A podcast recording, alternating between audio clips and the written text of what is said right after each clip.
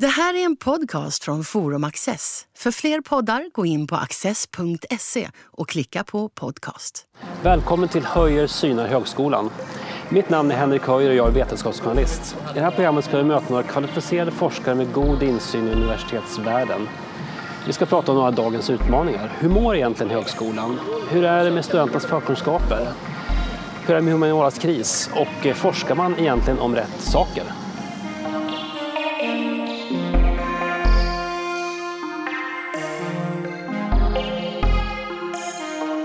Med ojämna mellanrum startar debatten om den humanistiska forskningen och humanioras roll. Det talas återkommande om humanioras kris.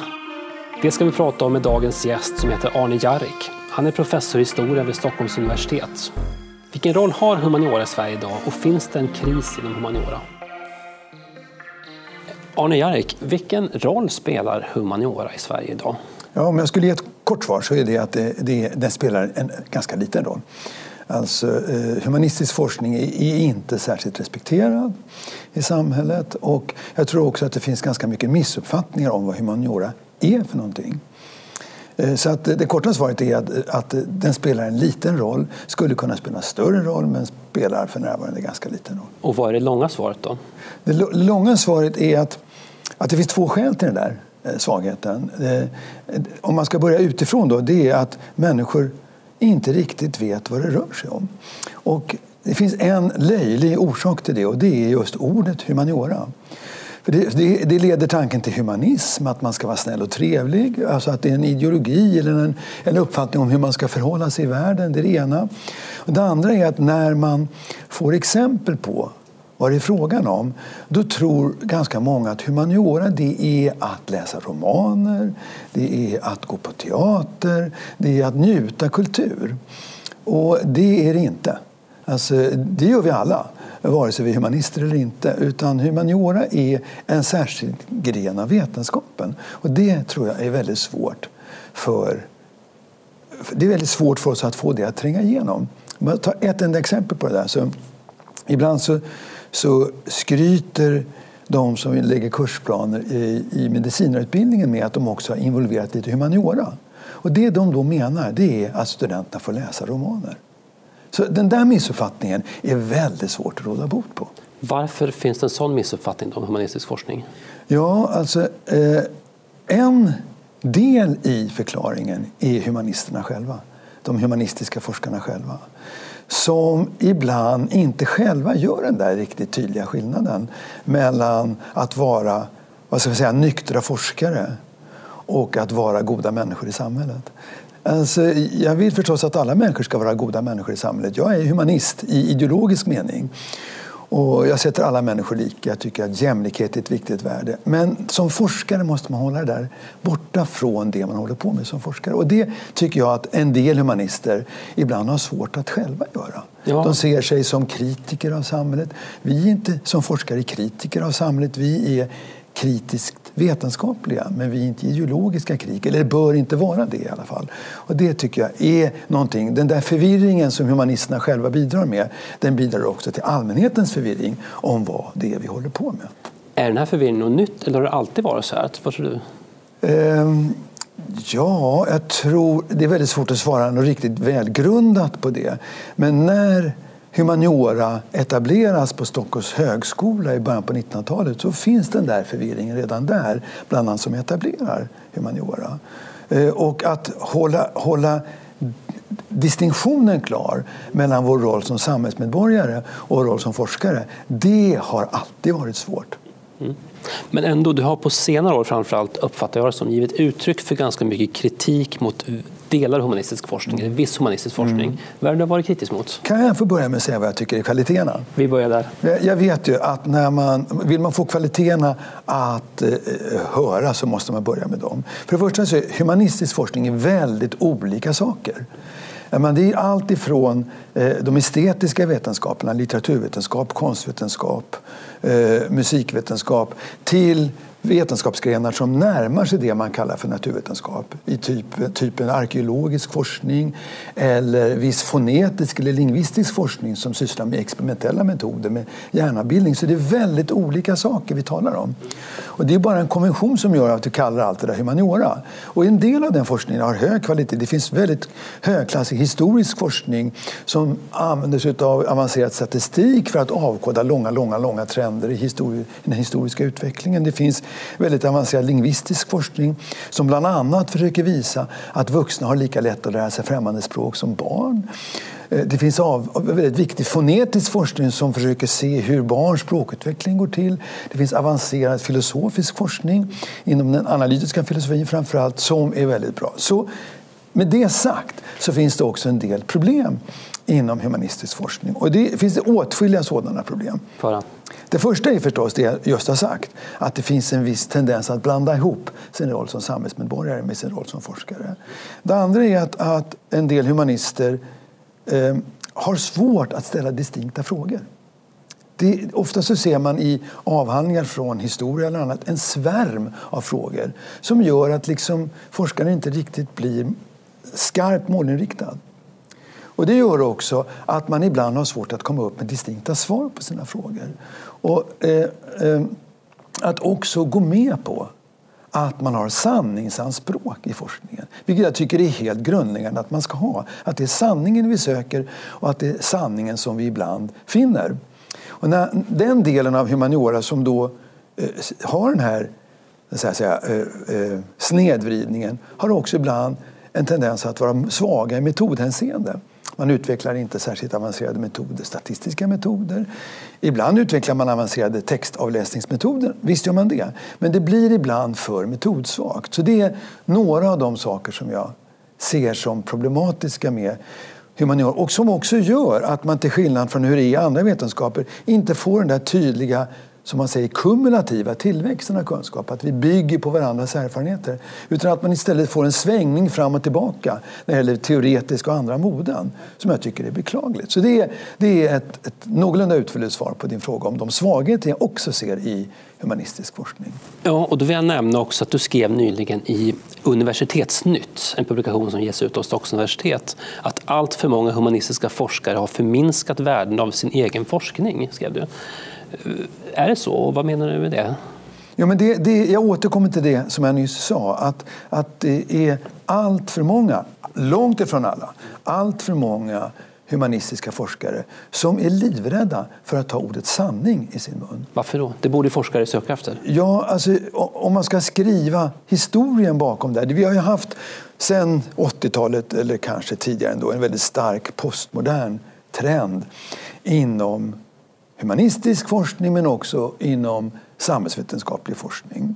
Där man började med en vad ska man säga, radikalt ifrågasättande av tidigare etablerade sanningar om så att säga, välsignelserna med den industriella kapitalismen eller välsignelserna med kolonierna. En berättigad humanistisk kritik.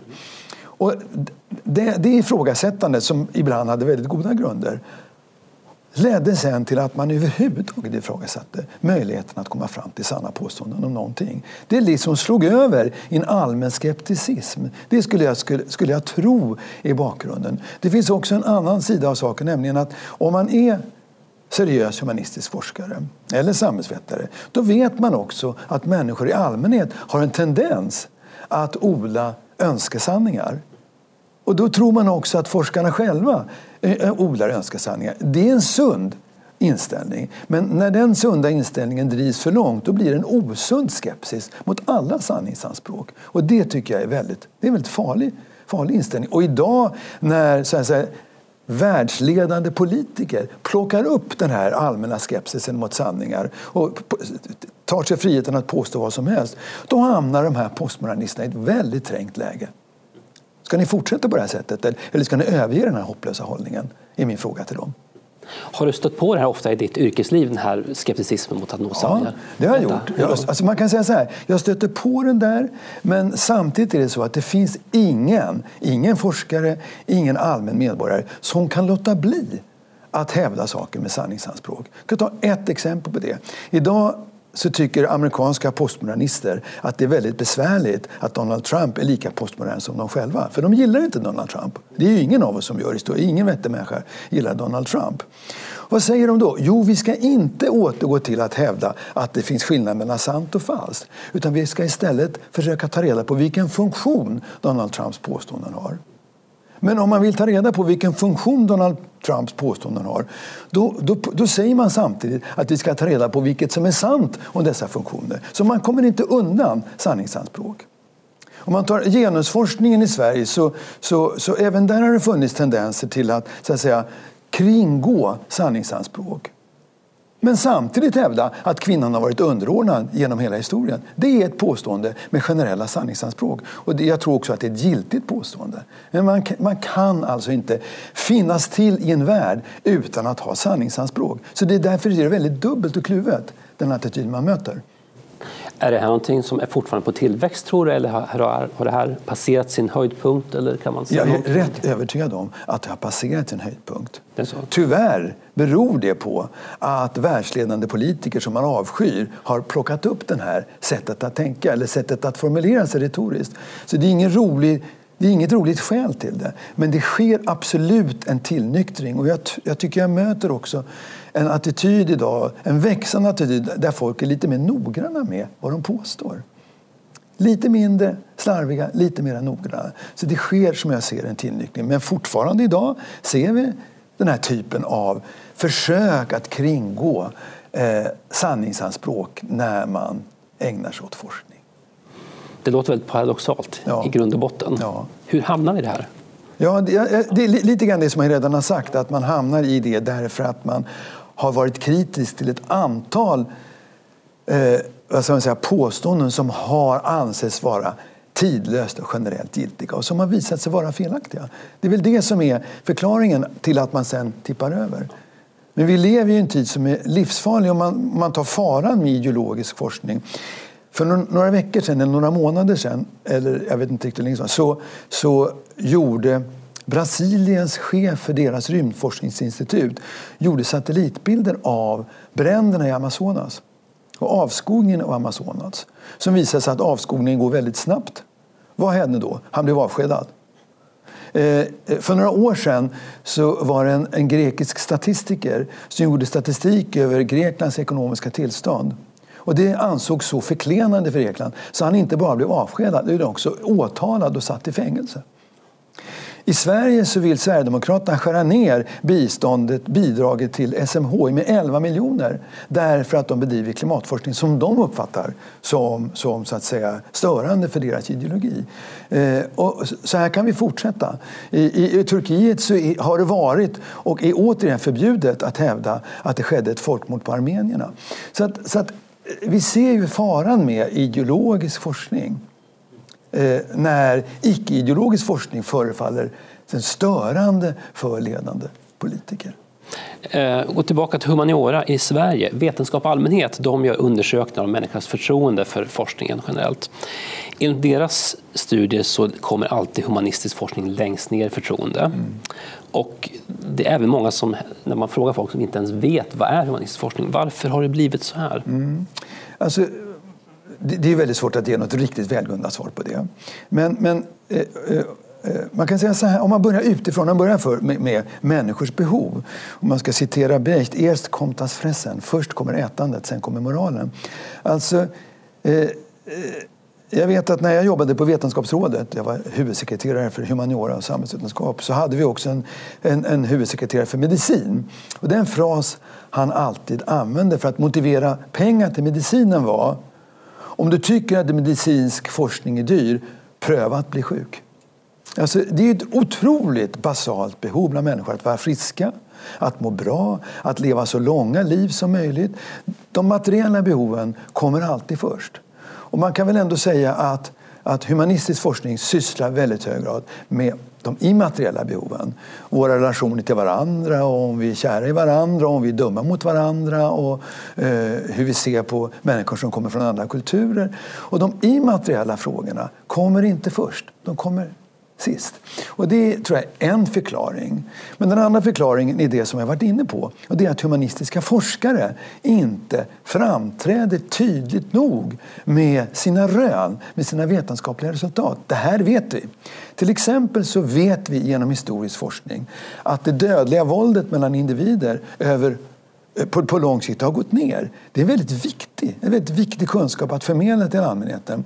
I synnerhet idag när folk tror att det mördas mer än någonsin. Trots att det mördas nästan mindre än någonsin, även om det har gått upp lite grann de senaste åren.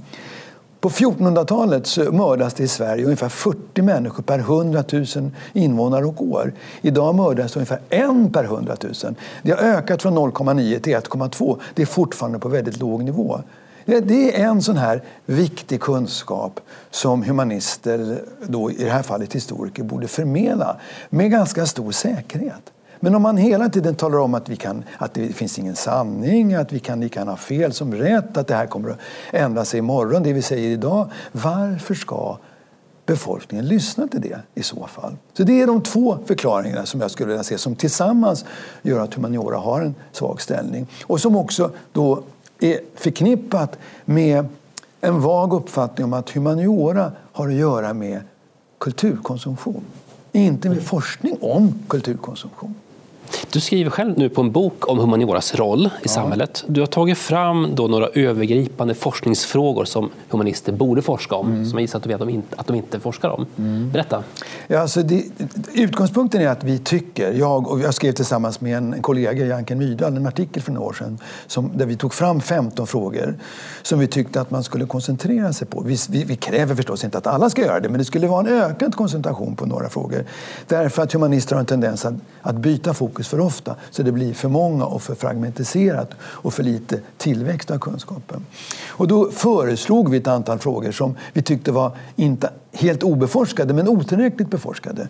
En alldeles övergripande fråga som vi kanske inte nämnde där det är just att studera det mänskliga samhällets unika kulturella dynamik. Det finns ju inga samhällen av levande varelser som är så föränderlig som det mänskliga samhället. Och den frågan som är en fråga om kulturell evolution den på, det pågår forskning om det, men där är forskningen otillräcklig.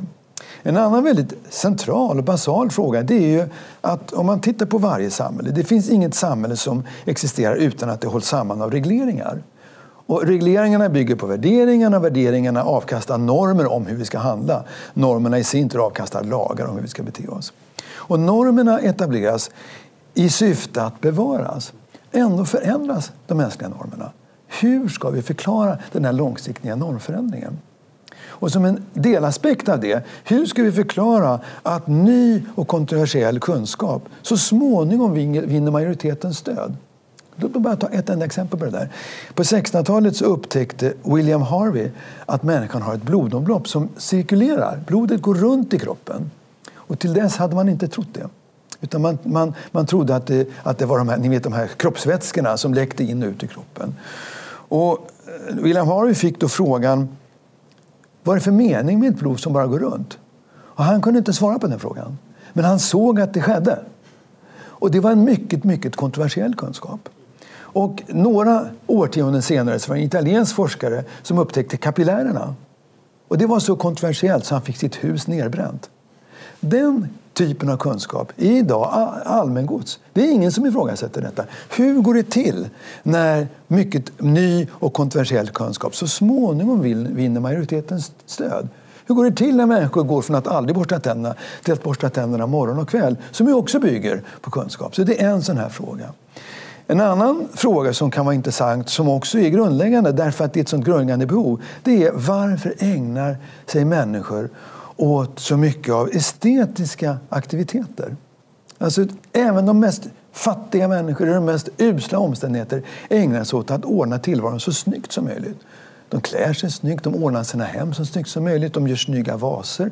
Vad är det där för ett behov som är så starkt så att man till och med offrar annan välfärd för de estetiska behoven? Det är några av de frågor som vi tycker att man skulle inte bara koncentrera sig på utan hålla på med så länge så att man får svaren på frågorna. Intressant. Vilken tycker du är allra viktigaste humanistiska frågan om man ska välja någon av de här? Eh, ja, egentligen skulle jag nog säga att det är frågan om normstabilitet och normförändring.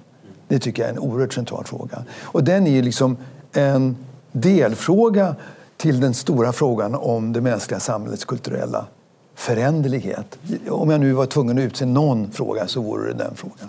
Bedrivs det forskning kring det här nu? Ja, det gör det. Det finns forskning om det. det I Sverige? Eller? Ja, det finns forskning i Sverige och också utomlands. Så det, det pågår forskning om det här, men det, vi har ännu inte riktigt svaren på de där frågorna. Mm. Du nämnde tidigare att du har varit huvudsekreterare på Vetenskapsrådet som är Sveriges största forskningsfinansiär ja. Eh, i sex år. Och då är man någon typ av högsta höns nästan där. Ja. Vad lärde du då om forskning och forskningspolitik? Ja, på sätt och vis en dyster lärdom. När jag, när jag tillträdde som eh, huvudsekreterare... Då hade Vilket slags, år var det? Eh, ja, när var det? 2000 var det sju, tror jag. Okay. Jag tror det var 2007. Tio år sedan. Ja, mm. något sånt där. Och så var jag sex år. Ehm, så hade jag en illusion. Jag hade illusionen att man i den här positionen skulle kunna påverka forskningspolitiken. Och mitt överordnade syfte det var att få politikerna att inse värdet av fri grundforskning. Inte bara för den kunskap vi vill ha utan också för en massa nyttiga ändamål. Och eh, jag kan säga så här att eh, det syftet misslyckades totalt.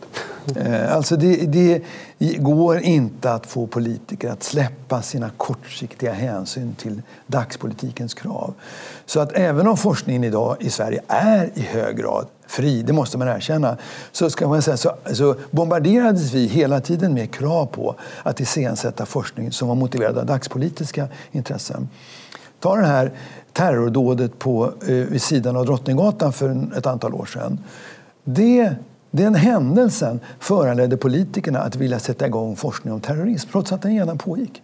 Det var, fanns redan forskning om terrorism. Men, men den, den händelsen triggade politikerna till att vilja göra det. Och det intressanta då är också att jag har också sett prov på att politikerna gärna sätter igång forskning via Vetenskapsrådet som de sen inte bryr sig om att ta reda på resultaten av. Så det är min överordnade erfarenhet. Sen kunde jag ha inflytande på hur vi riggade våra eh, beredningsgrupper, hur vi riggade våra egna system. Där hade man ett inflytande. Men över forskningspolitiken hade jag in, inte det inflytande som jag i min naivitet trodde att jag skulle ha. Men kunde inte ni forskare berätta för politiker hur viktigt det är med långsiktig grundforskning som inte är dagspolitiskt? Det berättar vi hela tiden. Jag brukar ta som exempel Isaac Newton som på 1600-talet arbetar med två viktiga saker. Det är Newtons färglära och det är gravitationen. Han gör det i en tid när Europa genomförs av förödande religionskrig.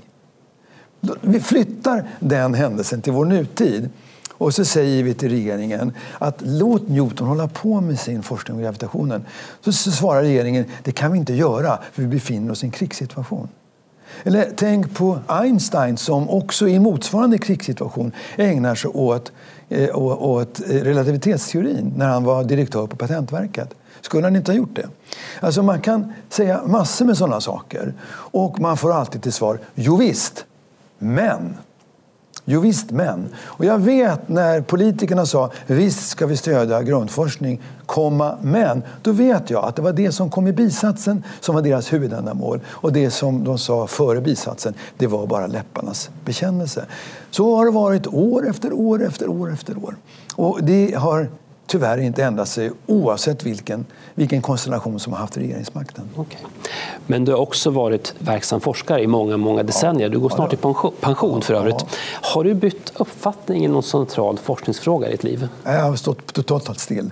Nej, det är klart att jag har. Man kan, jo, men den, den, alltså man kan säga så här. Den, den viktigaste frågan där jag har rört mig fram och tillbaka mm. det är frågan om relationen vad ska man säga, mellan natur och kultur. Mellan vår biologi och den miljö som vi omger oss av. När jag var riktigt, riktigt ung, när jag var säg 11, 12, 11, 12 år, så plötsligt slogs jag av idén om att allt som vi gör är styrt av miljön. Jag försökte berätta det där för min mamma när vi gick till Vällingby centrum och hon nickade lite förstrött men hon hörde inte riktigt på. Och sen senare i livet när jag blev forskare så tror jag att jag ändrade uppfattning och tyckte nog att det var ganska mycket av vårt beteende som tycktes styrt av vår biologi. Och jag tror fortfarande att en hel del är styrt av biologin. Bland annat det faktum att vi människor är så plastiska, att vi har sån förmåga att lära av erfarenheten. Och eh, där har jag också svängt till att jag numera tror mera på miljöerfarenheternas betydelse och mindre på biologins styrande betydelse för vårt beteende. Alltså vår hjärna är väldigt plastisk. Och det är någonting som humanister har hävdat länge, som jag var lite mindre starkt övertygad om tidigare, men som jag har blivit mer övertygad om idag. Men det bygger på en genetisk egenskap vi har som är unik för människan, nämligen att vi har en sån förmåga att lära. En förmåga att lära som saknas, som inte har sin motsvarighet hos de andra djuren. Så där har jag ändrat uppfattning i ganska avgörande, en ganska avgörande fråga. En helt annan fråga. Eh, om du tittar på svensk högskola som helhet, vad tycker du är det största problemet om man ska ändra någonting? Alltså, jag tycker svåra, för mig är frågan väldigt svår att svara på. Jag har inte någon relation till svensk högskola. Det låter väldigt konstigt. Men när jag kom tillbaka från min roll som huvudsekreterare på Vetenskapsrådet så har jag kunnat ägna mig åt min forskning väldigt mycket. Jag har haft väldigt liten relation till, till undervisningssystemet. Men om det är någonting som läcker till mig så är det två saker. Jag vet inte om de är sanna eller falska. Det ena är att studenter i det här massuniversitetet säger att de ska gå till skolan. Alltså det känns som om de inte tänker sig att de ska vara självständiga intellektuella. Och det kanske inte kan vara så. Det är ordet skola som ja, du på? Ja, jag går till skolan. Och det kanske inte betyder någonting. Och det andra är att det också har läckt till mig ryktesvägen, jag vet inte om det är sant, eh, en slags känslighet. Att studenter inte vill höra saker som är obekväma för dem att höra. Och det måste studenter tåla. Till exempel? Ja, men som utmanar deras ideologi, inte vet jag. Alltså, eh, eh, jag kan nog inte nämna några exempel på det, men jag bara hör att det finns en känslighet att studenter blir upprörda över saker som lärare säger. Och det där tycker jag man måste, man måste vara stenhård emot. Vi kan inte ha en situation där inte människor får tåla att höra saker som är obekväma för dem. Men jag vet inte om det är sant. Och det är viktigt att veta om saker är sanna. Så jag vill betona det. Att jag inte har någon riktigt stark relation till utbildningssystemet idag. Ja, så därför är mitt svar väldigt svävande på den frågan. Slutligen, Matilda Ernkrans är ju minister för forskning och högre utbildning. Mm. Har du något råd till henne för hur den humanistiska forskningen ska lyftas? Ja, alltså, jag skulle önska att hon informerar sig om den forskning som försiggår. Och att, att hon ser till så att de duktigaste forskarna inom humaniora och de som också kan fånga en publik, att de får konfronteras med hennes kompisar i regeringen. Alltså med de politiker som inte förstår värdet av humaniora. För jag vet ju, när jag, när jag träffade den, den förutvarande ministern för högre utbildning och forskning, Helene Hellmark Knutsson, att hon var väldigt resonabel, och väldigt förståndig, hon höll ofta med oss och sen blev det ingenting av det därför att hon var pressad, skulle jag tro, från näringsdepartementet och från finansdepartementet. Men jag tror att om man kan så att säga, få politiker som bara ser nästa dag framför sig att bli nyfikna på de forskningsresultat som vi levererar då kan de också, då kan de också se värdet i den. Så att, att liksom få dem att glömma sina reservationer, få dem att bli nyfikna det tror jag skulle kunna vara en väg framåt för att skapa eh, eh ett, alltså en högre trovärdighet för humaniora i, i de politiska kretsarna och också bland medborgare i allmänhet. Men då måste också, som du säger, de humanistiska forskarna bli bättre på att resultatmarkera, berätta sanningar, Absolut. berätta om sina metoder för att ta fram Absolut. slutgiltiga forskningsresultat. Ja. Eller inte slutgiltiga, men Nej, alltså slutgiltiga är de aldrig. Nej. Och de är lika lite och lika mycket slutgiltiga som forskningen på andra områden. Det är jätteviktigt att man, att man så att säga, gör det, att man tar sin roll på allvar som sanningssökare och som en krets som också ibland finner sanningen. Men vetenskapligt grundade metoder. Absolut. Ja. Tack så mycket Arne Jarek för att du ville komma hit till Access TV. Tack själv. Och tack för att ni har tittat.